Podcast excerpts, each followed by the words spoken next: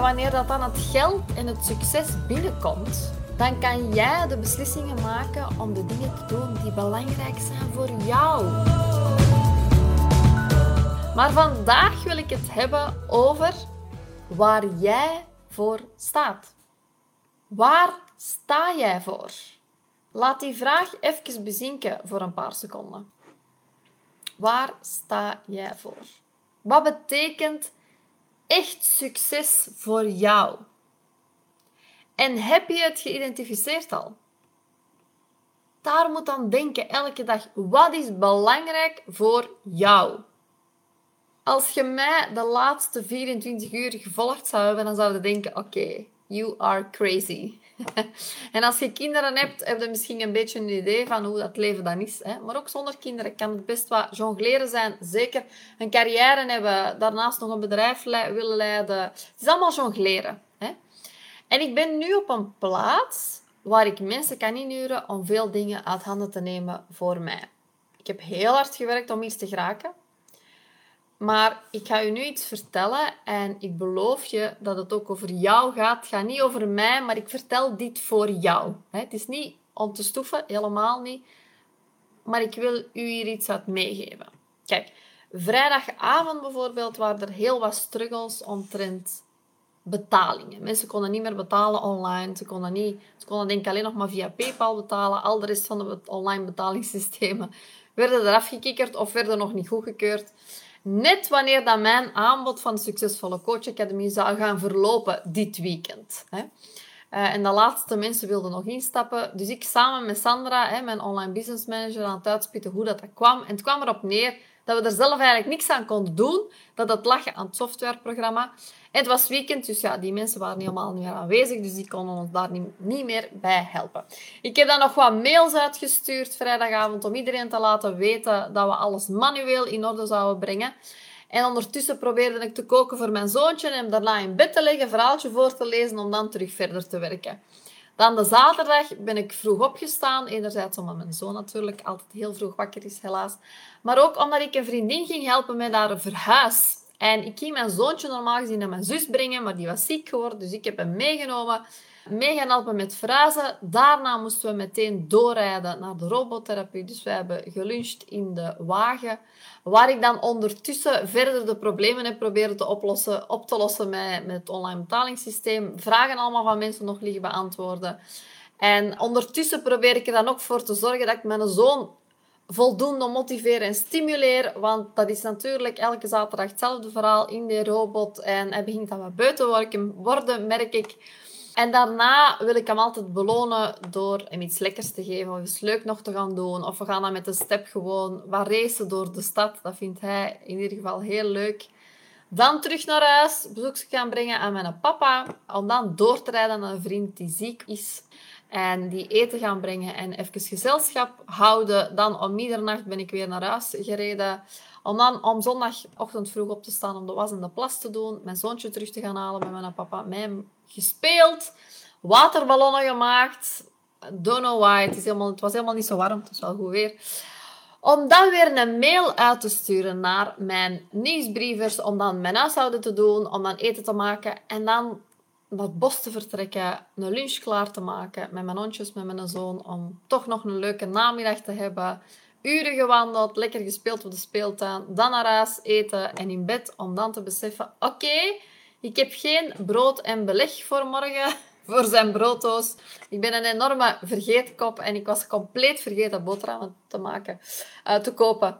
Maar er bestaan blijkbaar zo van die automaten met charcuterie, blijkbaar, maar aangezien ik alleenstaande mama ben, kon ik niet weg. Dus van de morgen vroeg opgestaan om samen met hen daar charcuterie te gaan halen. Maar wat een geweldige uitvinding is dat trouwens. Dat is pas echt een noodoplossing voor een ideale klant, voor iemand zoals ik. Hè. En dat is ook waarom dat die automaten werken. Dat vervult echt een nood van een bepaalde doelgroep. Geweldig. Maar wat ik eigenlijk wil zeggen met heel dit verhaal is... Ik zeg nee op bijna alle dingen privégewijs dan, bijvoorbeeld. Ik heb geen hobby's. Ik ga heel weinig uit met vrienden. Wat ik het belangrijkste vind, is mijn familie. Mijn zoon, mijn ouders, mijn zus, mijn dichtste vrienden. En het lijkt misschien wel alsof ik heel de week taxi aan het rijden ben. Met mijn zoon overal in therapie. En nu komt er nog twee keer een half uur logopedie bij per week. Dus ik ben continu eigenlijk zit ik in een auto. Maar dat is niet zo. Ik ben niet taxi aan het rijden elke dag. In een auto praat ik met mijn zoontje. En dan vertelt hij mij zijn zorgen. En dan kom ik van alles te weten.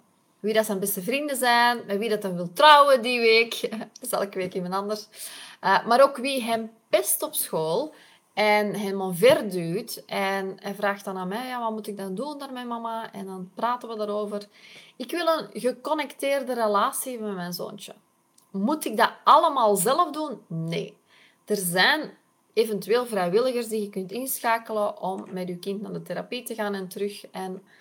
Maar wanneer ik sterf, wil ik het gevoel hebben dat ik alles gedaan heb wat ik kon doen. Dat ik er was. Ik vraag mij elke keer op het einde van zo'n weekend ook af: heeft mijn zoon voldoende gelachen? Dat is voor mij het belangrijkste. Kijk, en onlangs vroeg iemand mij op een business event van ja, uh, ze was aan het vertellen over het feit dat ze een Porsche wou kopen. Hè. En uh, zei, waarom koopt jij eigenlijk geen Porsche? Jij kan het toch best betalen, want jij verdient 30 per maand. Ik had zoiets van, ja, oké, ja, dat klopt. Ik kan dat betalen. Maar ik vind het oprecht super stoer van haar, want zij heeft ondertussen een Porsche gekocht. Zij is 23 jaar. Ik vind dat super stoer en ik kijk er enorm naar op, maar dat is niet mijn droom. Mijn hele intentie met mijn business, waar ik voor wil gaan staan, is dat ik mijn leven kan permitteren dat andere moeders in mijn situatie nooit zullen kunnen. Ze zijn veelal huismoeder, want een kind met zoveel zorg, ja, dat kan gewoon bijna niet anders. Begrijp dat ook wel. Uw man gaat aan werken en die betaalt dan alle rekeningen, maar ik ben een eenoudergezin. Hè? Niemand anders die mijn rekeningen betaalt. Dus ik zeg haar van, ja, kijk, ik wil mijn kind later niet laten werken voor het kunnen betalen van zijn therapie. Dus daar gaat het grootste deel van mijn geld naartoe. Ik zet het opzij voor hem.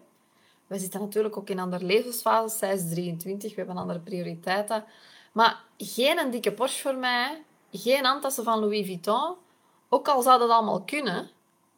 Maar geef mij maar een leven waarin dat ik elke dag kan opstaan en denken: yes, ik ben vrij om te doen en te laten wat ik wil. Als ik mijn zoon wil gaan brengen en terug gaan halen en tussen de middag nog naar huis brengen om te komen eten en naar de therapie gaan en vroeger van school gaan halen om naar logopedie te gaan en zijn hobby's en zijn leven en zijn ding wil doen en hem helemaal gelukkig wil maken. En dat kan.